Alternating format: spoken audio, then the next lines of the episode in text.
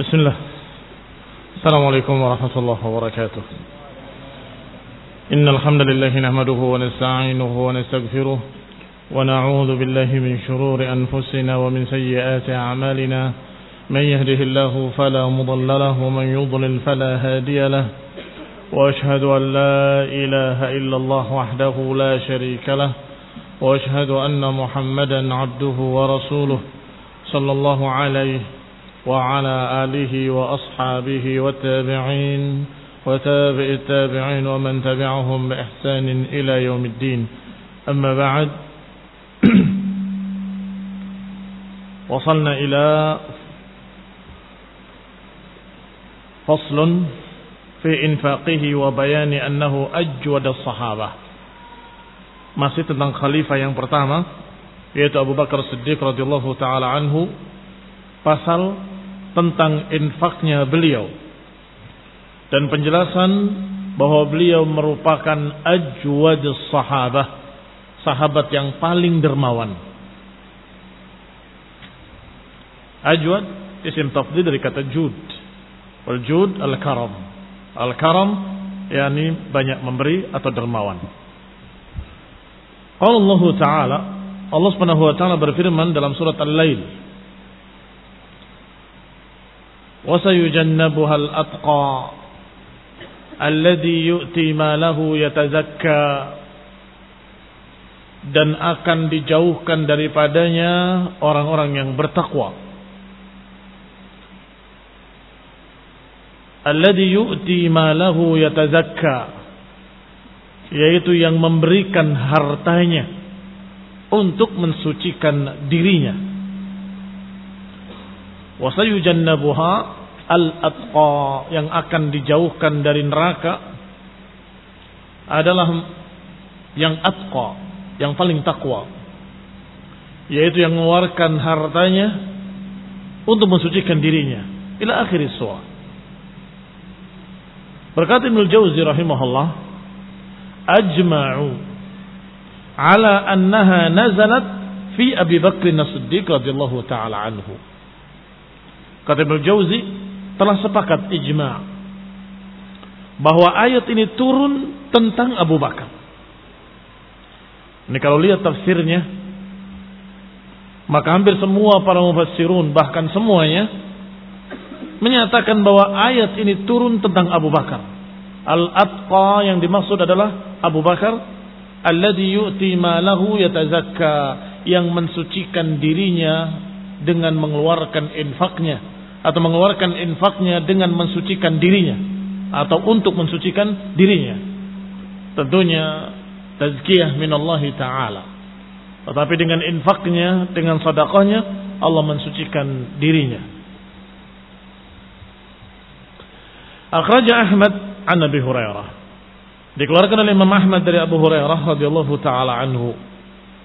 Dia berkata, berkata Rasulullah sallallahu alaihi wa ala alihi wasallam bahwa Nabi bersabda, "Ma nafa'ani malun qat ma nafa'ani mala Abu Bakrin."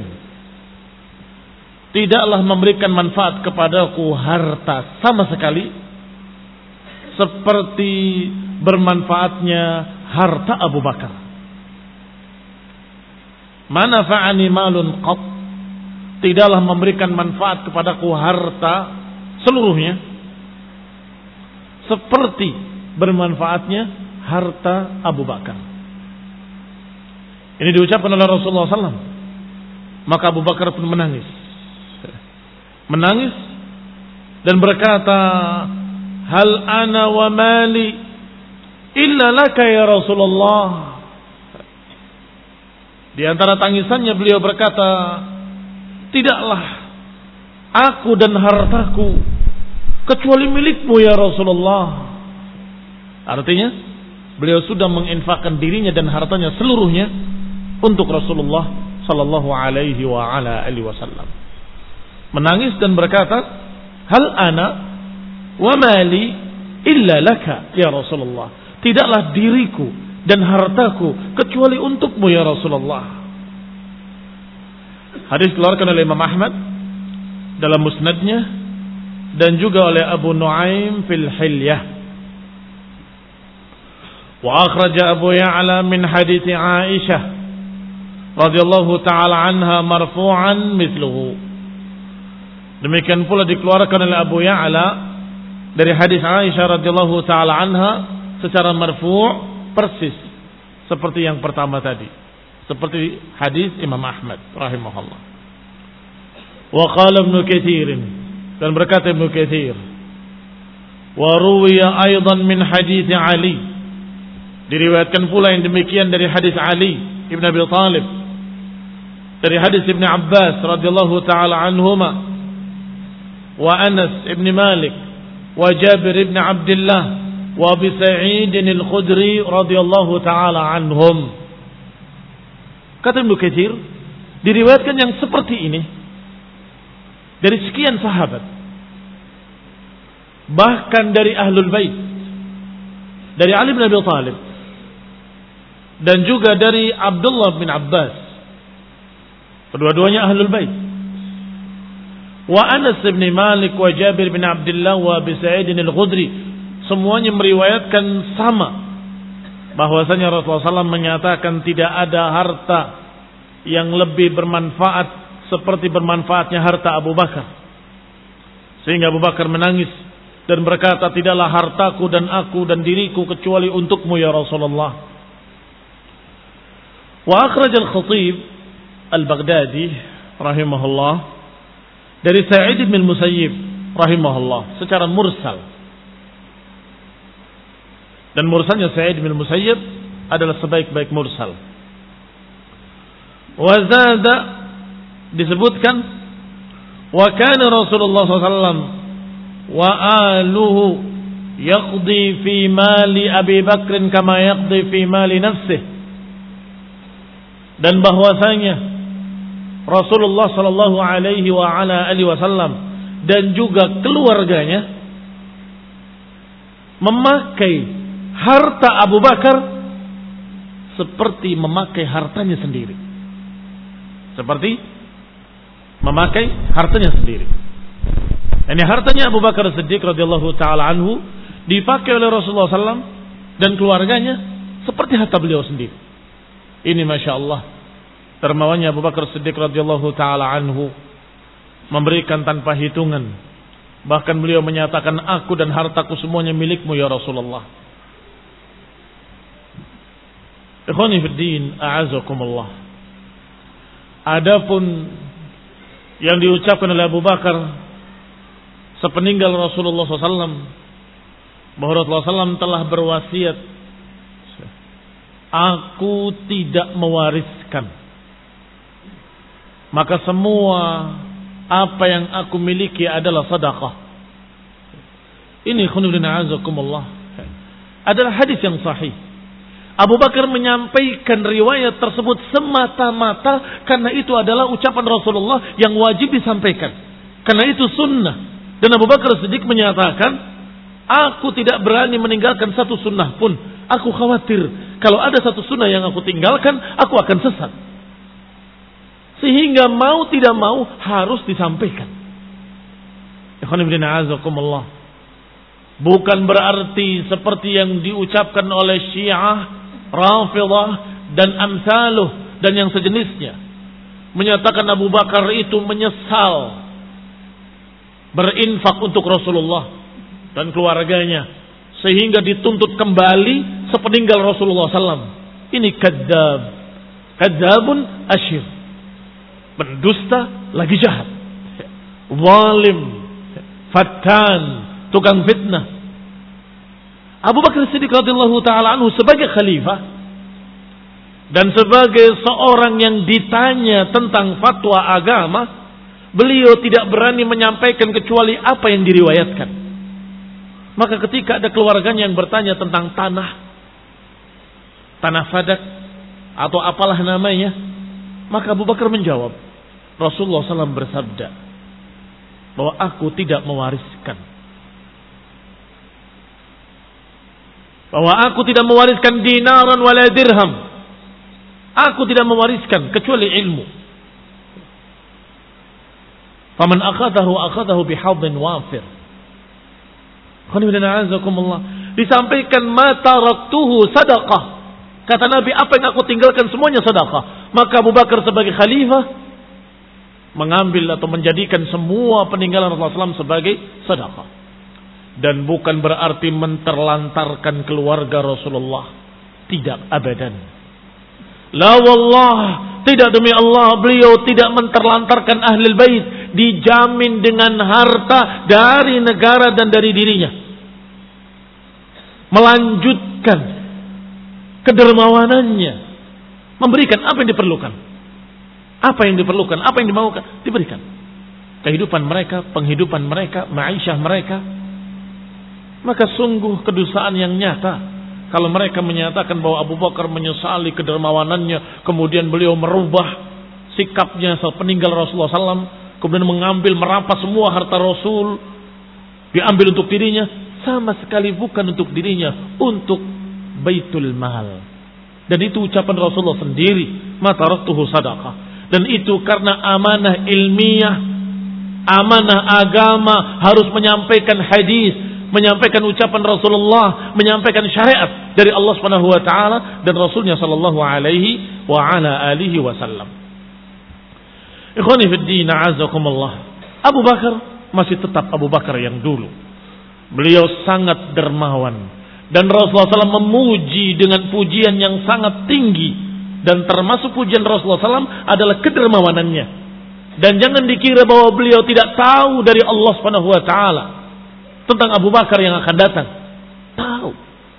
Kalau saja Rasulullah SAW diberitahu oleh Allah bahwa Abu Bakar begini dan begitu, niscaya beliau akan sampaikan bahwa akan terjadi begini, akan terjadi begitu. Sebagaimana beberapa sahabat yang Rasulullah SAW kabarkan bahwa dia akan begini, dia akan begitu. Itu terjadi.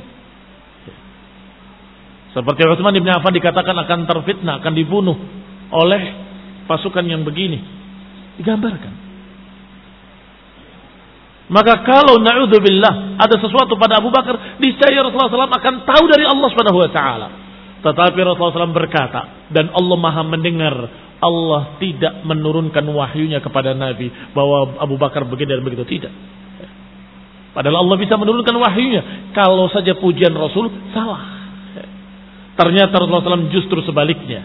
Ikuti orang setelahku, Abu Bakar disuruh untuk mengikuti Abu Bakar sepeninggal Rasulullah SAW. Sehingga berita-berita tadi nggak ada nilainya secara ilmiah sama sekali. Nggak ada nilainya secara ilmu sama sekali. Hanya kedustaan. Hanya rekaan-rekaan mereka menggambarkan Abu Bakar begini dan begitu. Walhamdulillah. Sangat jelas kedustaan mereka. Kembali kepada kitab. Wa akhraja Ibnu Asakir min turuqin عن عائشة وعروة ابن الزبير رضي الله تعالى عنهم أن أبا بكر رضي الله تعالى عنه أسلم. يوم أسلم وله أربعون ألف دينار. وفي لفظ أربعون ألف درهم فأنفقها على رسول الله صلى الله عليه وعلى آله وسلم. Dikeluarkan oleh Al-Khatib uh, oleh Ibnu Asakir dari banyak jalan. Dari Aisyah radhiyallahu taala anha dan juga dari Urwah Ibn Zubair radhiyallahu taala anhu. Bahwa Abu Bakar radhiyallahu taala anhu ketika masuk Islam memiliki harta 40 ribu dinar. Dalam lafaz 40 ribu dirham 40 ribu dirham saja sudah besar. Karena itu uang perak. Apalagi arba'una alfa dinar. Karena itu uang emas. Fa'anfaqaha ala Rasulullah SAW. Semua itu beliau infakkan untuk Rasulullah sallallahu alaihi wa ala alihi wasallam. Wa akhraja Abu Sa'id Ibn al-Arabi Ibn al-A'rabi an Ibn Umar رضي الله تعالى عنهما قال أسلم أبو بكر رضي الله تعالى عنه يوم أسلم وفي منزله أربعون ألف درهم kata Ibn Umar Abu Bakar masuk Islam dalam keadaan di rumahnya ada harta sejumlah 40 ribu dirham. Fakharaja ila al-Madinah fil hijrah. maka beliau berangkat untuk menemani Rasulullah SAW hijrah ke Madinah. Wa malahu ghairu khamsati alaf. Dalam keadaan hartanya sudah tinggal 5000 dirham. Artinya sudah 35 dipakai untuk perjuangan Rasulullah SAW. Kullu dhalika yunfiquhu fir riqabi wal aun 'ala al-Islam. Semua itu beliau gunakan untuk membebaskan budak yang muslim dan untuk membela agama tentunya untuk membela Rasulullah sallallahu alaihi wa ala alihi wasallam. Bilal ibn Abi Rabah disiksa oleh tuannya Umayyah karena masuk Islam. Bilal terus menyatakan ahad, ahad. Datang Abu Bakar. Aku beli. Budakmu. Kau berani sekian? Berani. Ini uangnya. Ambil. Demikian pula budak yang lain ketika disiksa oleh tuannya, Abu Bakar melihatnya. Mengapa kau siksa dia? Apakah kau siksa dia karena masuk Islam? Aku beli dia. Dibeli budak-budak tersebut, dimerdekakan, dibeli, dimerdekakan. Itu Abu Bakar Siddiq radhiyallahu taala anhu. Dan anfaqahu fil Islam. Beliau infakkan untuk perjuangan Islam, untuk mendukung Rasulullah sallallahu alaihi wa ala alihi wasallam. Wa akhraj Ibnu Asakir juga Ibnu Asakir meriwayatkan dari Aisyah radhiyallahu taala anha bahwa Abu Bakr radhiyallahu taala anhu a'taqa sab'ah kullahum yu'adzab fillah Abu Bakar memerdekakan budak sampai tujuh orang budak semuanya karena disiksa oleh tuannya. Maka dimerdekakan oleh Abu Bakar As-Siddiq radhiyallahu taala anhu. Wa akhraj Ibn Shahain fi sunnah wal Baghawi fi tafsirihi wa Ibn Asakir an Ibn Umar. Diriwayatkan pula oleh Ibnu Syahin dalam kitabnya Sunnah dan oleh Al-Baghawi di dalam tafsirnya dan Ibnu Asakir dari Abdullah bin Umar radhiyallahu taala anhuma. Beliau berkata, "Kuntu 'inda an-nabiy wa 'indahu Abu Bakr as-Siddiq radhiyallahu taala anhu." Kata Abdullah bin Umar, aku berada di sisi Nabi SAW.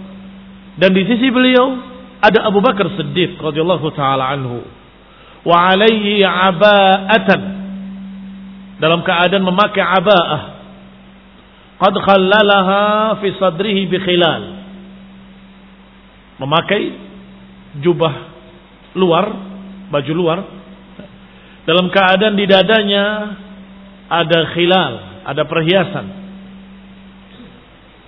Fanazala alaihi Jibril alaihi salam faqala ya Muhammad ma li ara Abu Bakr alaihi aba qala khallalaha fi sadrihi bi khilal.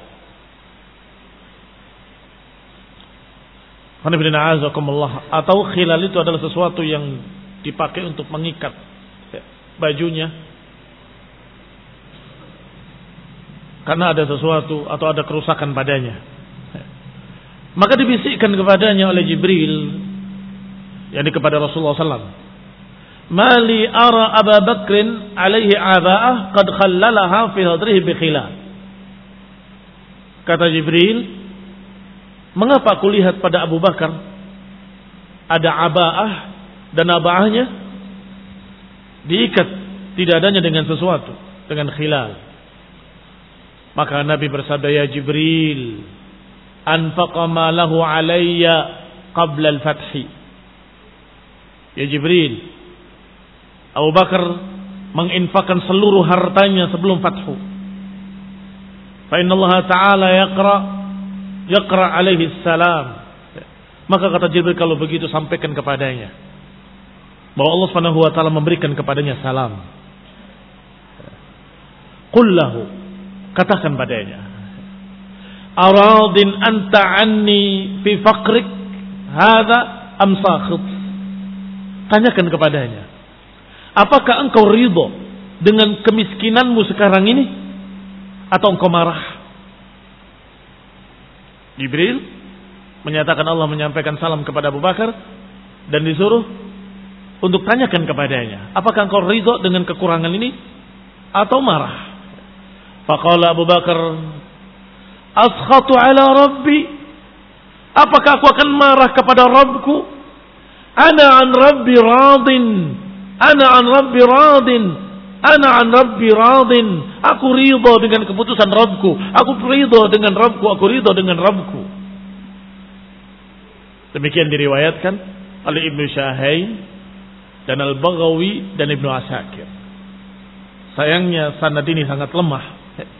Dikatakan sanaduhu dhaifun jiddan. Maka cukup dengan yang pertama tadi. Bahkan disebutkan dalam hadis yang sahih ujian Rasulullah SAW kepada Abu Bakar bahwa tidak ada harta yang lebih bermanfaat untukku daripada hartanya Abu Bakar. Wa akhraja Abu Nuaim an Abi Hurairah dan Ibnu Mas'ud radhiyallahu taala anhuma. Juga diriwayatkan semakna dengan yang tadi tetapi juga dhaif. Wa sanaduhuma dhaifun aidha. Sanadnya juga dhaif. Sanad yang ke Abu Hurairah dan sanad yang ke Ibnu Mas'ud juga kedua-duanya dhaif. Wallahu taala a'lam. Wa ابن Ibnu Asakir nahu min hadis Ibnu Abbas radhiyallahu taala عنهما Diriwayatkan pula oleh Ibnu Asakir dari Ibnu Abbas. Semoga Allah meridhai keduanya. Beliau dan bapaknya adalah sahabat. Wa akhraj Al-Khatib bi sanadin wahin. Al-Khatib Al-Baghdadi juga meriwayatkan tetapi dengan sanad yang wahin ayuban. Wahin dengan hak besar maknanya tidak ada nilainya atau sanad yang lemah juga. Dari Ibnu Abbas radhiyallahu taala anhuma. Dari Nabi sallallahu alaihi wa ala alihi wasallam. Habita Jibril alayya wa alayhi tinfisah wa huwa mutaqallil biha faqultu lahu ya Jibril ma hadha qala inna Allah ta'ala amra al malaika an fis samai katakhalli Abi Bakr fil ardi. Ini lebih nyeleneh lagi riwayatnya. Disebutkan Jibril turun dalam keadaan memakai panafis dan fusa sebuah pakaian seperti pakaian luar tetapi tengahnya diikat. Ya ini menunjukkan kesederhanaan, kekurangan Aku tanyakan, wahai Jibril, ada apa engkau berpakaian seperti itu? Dijawab oleh Jibril, sesungguhnya Allah memerintahkan seluruh malaikat untuk berpakaian dengan pakaian seperti ini. Seperti Abu Bakar Siddiq radhiyallahu taala anhu untuk mengangkat derajatnya dan memuji tentang pakaiannya, kesederhanaannya karena Allah Subhanahu wa taala. Tetapi riwayatnya dhaif. Dikeluarkan pula oleh Tirmidzi. Dengan nomor hadis 3675 dan juga Abu Daud dengan nomor hadis 1678 maka Ibnu Katsir mengomentari riwayat-riwayat ini. Kata Ibnu Katsir wa hadza munkarun jiddan. Hadis ini hadis munkar yang sangat munkar وقال لولا أن هذا والذي قبله يتداوله كثير من الناس لكان الإعراض عنهما أولى anhuma aula. Kata Ibnu Katsir, kalau saja hadis ini dan hadis sebelumnya bukan banyak dibicarakan dan dibawakan oleh para ulama, maka aku pun tidak akan memuatnya di sini. Artinya al-i'rad anhuma aula. Berpaling dari hadis-hadis seperti ini lebih bagus lebih bagus berpaling. Ya. Karena yang namanya lemah, kemungkinan besar ada sesuatu yang dibikin-bikin. Atau yang berlebihan. Atau melampaui batas. Atau yang diada-adakan. Kemungkinan besar. Walaupun ada kemungkinan kecil benar. Karena diriwayatkan dari sekian banyak orang. Walaupun semua riwayatnya dhaif. Ya. Tetapi kata Ibnu Katsir, manhaj ahlu sunnah wal jamaah dengan hadis-hadis seperti ini adalah al-i'rad anhuma, meninggalkannya, berpaling daripadanya. Baik.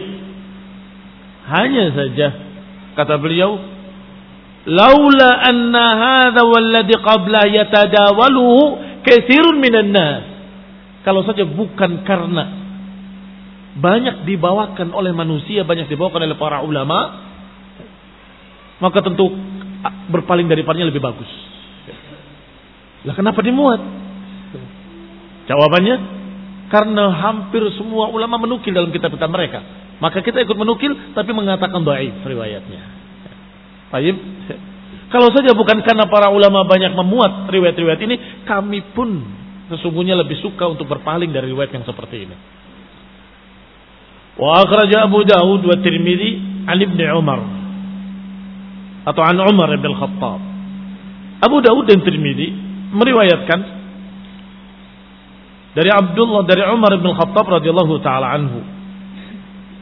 Amarna Rasulullah sallam an natasaddaq. Ini hadis ma'ruf, hasanun sahih, makbul, diterima hadisnya, diriwayatkan oleh Abu Dawud dan juga Tirmidzi. Bahkan kisahnya mungkin kalian semua tahu, kisah yang masyhurah, kisah yang masyhurah bahwa Umar Ibn Khattab bercerita, kami diperintah untuk bersedekah. Fawafaqa dzalika malan 'indi. Sedangkan kebetulan aku saat itu memiliki banyak harta, maka aku berkata hari ini aku akan mengalahkan Abu Bakar. Hari ini aku akan mengalahkan Abu Bakar. Faji'tu binismi mali maka aku berikan separuh hartaku. Separuh sudah sangat banyak sekali.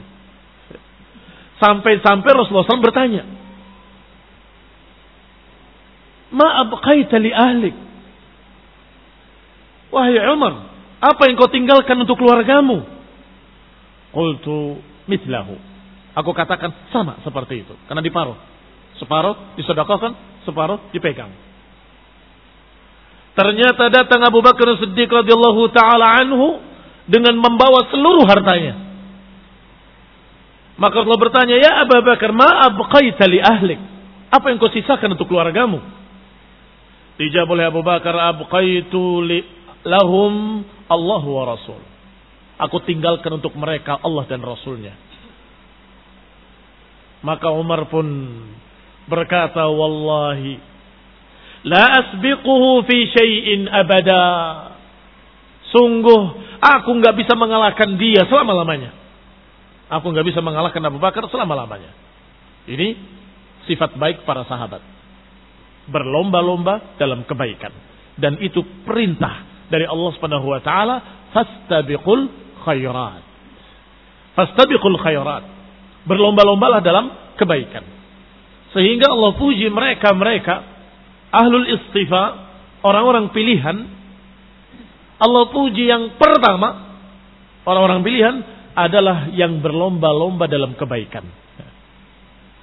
ثم أورثنا الكتاب الذين اصطفينا من عبادنا فمنهم سابق بالخيرات بإذن الله di antara mereka ada yang sabiqin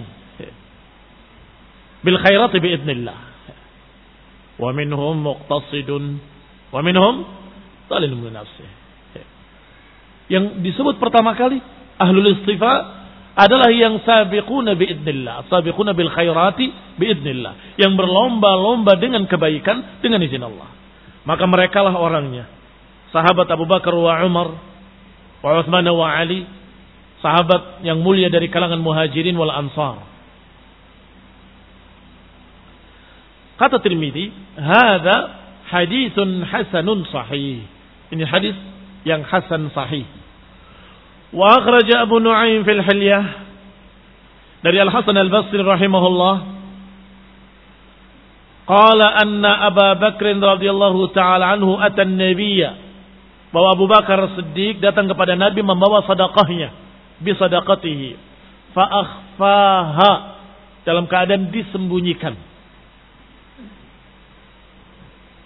Faqala kemudian berkata, Ya Rasulullah, hadhihi sadaqati, ini sedekahku.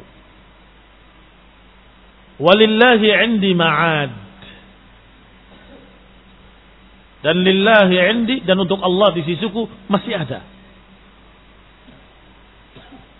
Wajah Umar radhiyallahu taala anhu bisadaqatihi. Dan Umar membawa sedekahnya. Fa'adharaha dalam keadaan ditunjukkan kepada yang lain. Artinya tidak disembunyikan. Ya Rasulullah, hadihi sadaqati. Ini sedekahku. Wali indallahi ma'ad. Dan sungguh bagiku bagi Allah di sisiku ada janji. Artinya akan diulang kembali memberikan yang berikutnya. Faqala Rasulullah sallallahu ma baina sadaqataykuma kama baina kalimataykuma. Sungguh antara sedekah kamu berdua sama dengan ucapan kamu berdua. Isnaduhu jayyid lakinnahu mursal. Sananya jayyid tapi sayang mursal. Mengapa mursal? Karena Al-Hasan Al-Basri tidak bertemu. Maka beliau hanya berkata, Anna Abu Bakar, ini mursal. Perhatikan kalimatnya berbeda. Walillahi indi ma'ad. Wali indallahi ma'ad. Berbeda kalimatnya, tidak sama. Yang pertama, milik Allah di sisiku akan ada. Akan terulang atau ada janji yang akan diberikan tetapi ucapan Umar, wali indallahi ma'ad. Bagiku di sisi Allah akan ada balasan atau akan ada ma'ad. Antara sodakoh kamu berdua seperti ucapan kamu berdua. Perbedaannya. Tetapi hadisnya atau asarnya mursal. Wa akhraj Tirmidzi an Abi Hurairah radhiyallahu taala anhu qala qala Rasulullah sallallahu Ma li ahadin indana yadun illa wa qad kafa'nahu illa Abu Bakr. Rasulullah SAW bersabda, tidaklah bagi seseorang di sisiku ada tangan, artinya ada jasa, ada jasa, kecuali aku sudah membalas budinya. Tidaklah seorang pun memberikan kepadaku kebaikan kecuali aku sudah membalas budinya. Illa Abu Bakrin kecuali Abu Bakar. Fa inna lahu indana yadan yukafi'uhu Allah biha yaumal qiyamah. Sesungguhnya baginya nanti di sisi Allah akan ada balasan. Lihat Rasulullah SAW memuji Abu Bakar. Semua orang yang memberikan kebaikan kepadaku sudah aku balas budinya. Kecuali Abu Bakar. Karena dia memiliki di sisiku yadan. Jasa dan pemberian-pemberian. Yang Allah sajalah nanti yang akan mencukupinya. Yaumul qiyamah. Wa manafa'ani malu ahadin qat. Manafa'ani malu Abi Bakrin. Enggak ada seorang seorang pun yang hartanya bermanfaat untukku seperti manfaatnya hartanya Abu Bakar untukku. Ini potongan belakangnya sama dengan yang awal kita baca. Tetapi ada awalnya, ada kisahnya bahwa kata Nabi SAW tidak ada seorang pun yang memberikan tangannya kepadaku, ini kebaikannya, jasanya kepadaku, kecuali sudah aku cukupi, sudah aku balas budinya. Kecuali Abu Bakar yang memiliki tangan di sisiku memiliki jasa yang besar di sisiku dalam keadaan Allah nanti yang akan membalasnya yaumul qiyamah. Dan sungguh tidak ada harta yang bermanfaat bagiku seperti bermanfaatnya harta Abu Bakar radhiyallahu taala anhu. Ini ikhwan ibn a'azakumullah mengingatkan kita kepada masalah mukafaah. Mukafaah adalah membalas budi, membalas kebaikan seseorang. Dan itu disuruh oleh Nabi, dianjurkan, disunahkan, diperintahkan. Man sana'a laka ma'rufan falyukafi'uh. Man sana'a laka ma'rufan, siapa yang memberikan kepadamu kebaikan, hendaklah balas dengan kebaikan yang seimbang. Hendaklah balas dengan kebaikan yang seimbang. Sehingga kalau kalian mendapatkan kebaikan dari temanmu, dari saudaramu, balas dengan kebaikan. Kamu mendapatkan kebaikan dari tetanggamu, balas dengan kebaikan yang seimbang. Dia mengirimi kamu sesuatu, suatu saat kamu kirimi dia dengan sesuatu. Dia memberikan jasa kepadamu, kamu berikan jasa pada dia. Ini namanya membalas budi. Dan itu sunnah. Sunnah yang hampir terlupakan oleh sebagian orang. Man sana ala ma'rufan falyukafi'u. Maka Nabi berusaha untuk membalas kebaikan setiap orang. Berusaha untuk membalas kebaikan setiap orang. Dan berusaha untuk meminta keridoan dari orang yang merasa terdolimi atau tersakiti. Sehingga Rasulullah SAW pernah mengumpulkan mereka dan menyatakan siapa yang pernah aku sakiti. Atau pernah aku katakan dengan ucapan yang menyakiti hatinya. Atau, atau, atau, maka sekarang. Memberikan balasannya kepadaku. Dan tidak ada lagi setelah itu urusan. Para sahabat tegang. Tentunya tidak akan ada seorang pun yang dendam kepada Rasulullah SAW. Semua diam. Apakah ada yang pernah disakiti olehku? Sekarang balas aku. Aneh ya Rasulullah. Apa masalahmu? Engkau pernah menusuk aku dengan tongkatmu ketika meluruskan saf. Para sahabat sudah jengkel, ini orang kurang ajar. Sudah jengkel semua. Ini orang kurang ajar sekali kepada Rasulullah SAW. Engkau waktu itu menyakiti aku dengan menusuk tongkat tongkatmu ke dadaku. Dan aku mau membalas hari ini.